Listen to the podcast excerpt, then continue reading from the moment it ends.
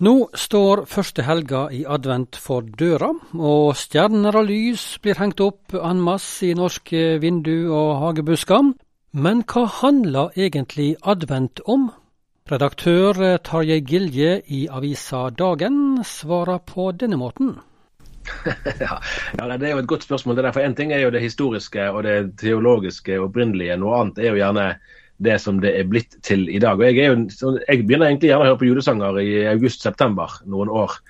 Eh, og, og, gleder meg egentlig veldig over den tiden. her. Og Det er jo noe helt sånn basalt med lys i mørket, og kanskje ikke minst nå i den tiden vi har hatt bak oss og for så vidt fremdeles er i, så er jo, er jo lys i mørket bokstavelig og billedlig talt noe som er ekstra eh, kjærkomment. Så det er jo det helt sånn eh, umiddelbare. Um, Altså, Hvis jeg skal tenke på hva jeg forbinder med advent, så er det jo lys som eh, henges opp. Det er gjerne masse juleavslutninger eh, med tilhørende kakespising og pepperkaker og sånt. Eh, og så er det jo litt sånn julegavestress. Eh, men hvis vi skal eh, se litt historisk på det, hva er det som har lagt i adventstiden eh, der? Det der er veldig interessant, for det er jo veldig, det er en rik historie, det med å ha fastetid før både jul og påske at, at Kirken lever måtte, i en sånn uh, forberedelse til det store som skal skje. Og ved at man bruker flere uker på forberedelsen, da blir jo òg forventningene og bevisstheten styrket om storheten i, i, julebudskapet. Så man, man, får jo tatt det inn over seg på en ganske annen måte, tror jeg, enn det vi i vår liksom, moderne protestantiske tradisjon eh, gjerne gjør. Blant annet så var jo adventstiden gjerne en fastetid. Det er i hvert fall ikke noe jeg forbinder med det akkurat nå. Nei, tvert imot, sant. Og så er altså adventstid en ventetid. Dette med venting er vel ikke noe som vi som moderne mennesker er veldig flinke på. Vi, vi er vant til å få ting ganske med en gang eh, når vi vil ha det. Gjør det adventstiden enten mer aktuell eller mindre aktuell, alt etter som kommer og ser det? Ja, Det er et godt uh, spørsmål. for I utgangspunktet skulle jo den være mer aktuell. Men det er jo, det er jo litt sånn at uh, hvis man har et, et, materialistisk eller et sekulært uh, innsteg, da, så er jo det å avstå fra goder Hvorfor skulle man gjøre det? Sånn, for Her handler det bl.a. om det å, for å, å, å markere fastetid i påvente av julefeiring, mens vårt moderne alternativ er å gå fra adventsfeiring til julefeiring. Eh, og det høres jo hyggelig ut, det, eh, på mange måter. Men jeg tror at vi ja, Hvis du skal være litt sånn, eh, litt sånn, polemisk, så kan du si at når vi snakker om at det er få folk i kirken, så har det kanskje sammenheng med at vi eh, tar for lett på tingene.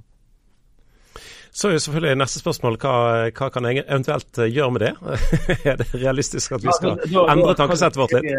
Jeg skal, ikke, jeg skal ikke drive og være noe sånn eh, reklameorgan for Peder Hallorf sin litteratur, men, men, det var interessant å snakke med han om, om boken han har skrevet. Eh, nå kan jeg faktisk ikke huske hva den heter. Eh, 'Vandring mot lyset', var det. den kom på, på, svensk i fjor og på norsk i år. og der er Det som en andagsbok. Sant? En side eller to med betraktninger for hver dag en utfordring både til kan du si, en åndelig bevisstgjøring knyttet til Jesu fødsel og Jesu gjenkomst. og Dermed får jo det komme-begrepet en sånn dobbel, eh, dobbel betydning. Men òg konkret om å, å, ta livets oppturer og nedturer på alvor. Sant? Være til stede for hverandre, hjelpe de som trenger hjelp. Advent, altså Fastetid er jo også en det er ikke bare en, si, en abstrakt åndelig øvelse, men òg en ganske sånn konkret og hverdagsnær øvelse som, som vi får en sjanse til å komme tettere i kontakt med.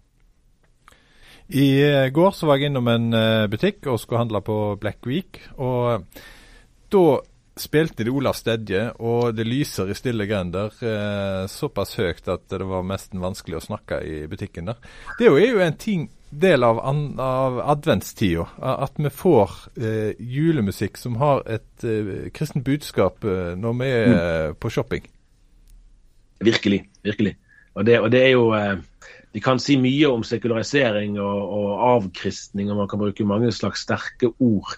Eh, og Det er mye sant i det, selvfølgelig, men så er det òg sant at det er dype, dype historiske linjer som minner oss om i hvert fall hvem vi har vært og hvor vi kommer ifra. og det der er jo sånn egentlig hverdagslig, men likevel veldig konkret aktuelt eksempel på det. da. Hvis mine språkkunnskaper eh, spiller meg, eller at jeg ikke roter altfor masse med de, så kommer ordet advent fra latin, fra adventus domini, som betyr altså Herrens komme. Eh, det handler jo om at eh, i julen så eh, beskriver jo Bibelen at Gud, som har skapt hele universet, ble et lite menneskebarn.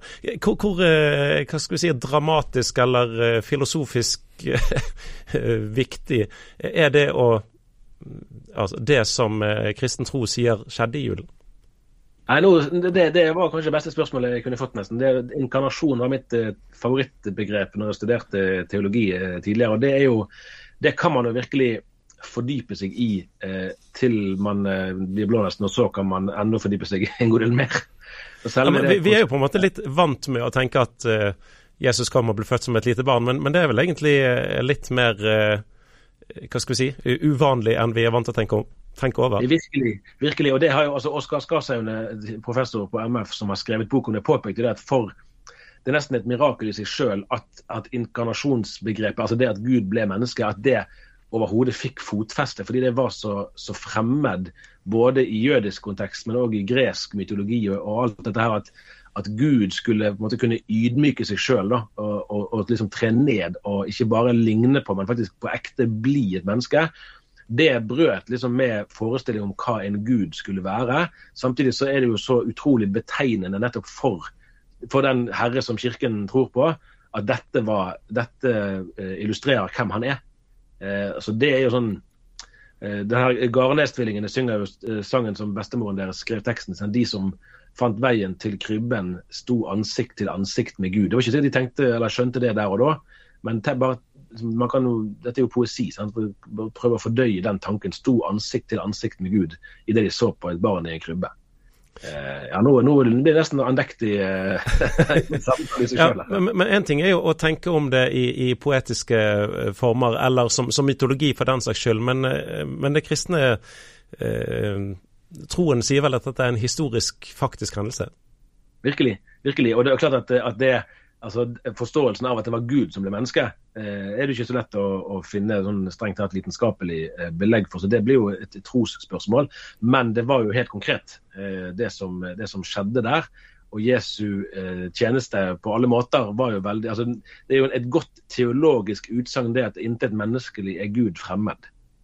Og det, og, det, har svære ringvirkninger for hvordan Kirken forkynner evangeliet, og hvordan Kirken forstår tilværelsen. At Gud er ikke en Gud som er på avstand fra det levde livet.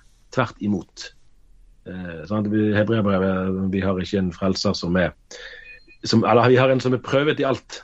Eh, som, som, vet hva slags livsvilkår menneskene har. og Det er jo òg Kirkens fremste forbilde. Ja, Det sa Tarjei Giljem i denne ukas eh, Petro-kommentar. Han er redaktør i avisa Dagen og ble intervjua av eh, Bjørn Inge Sagstad og Bjørn Steinar Haugland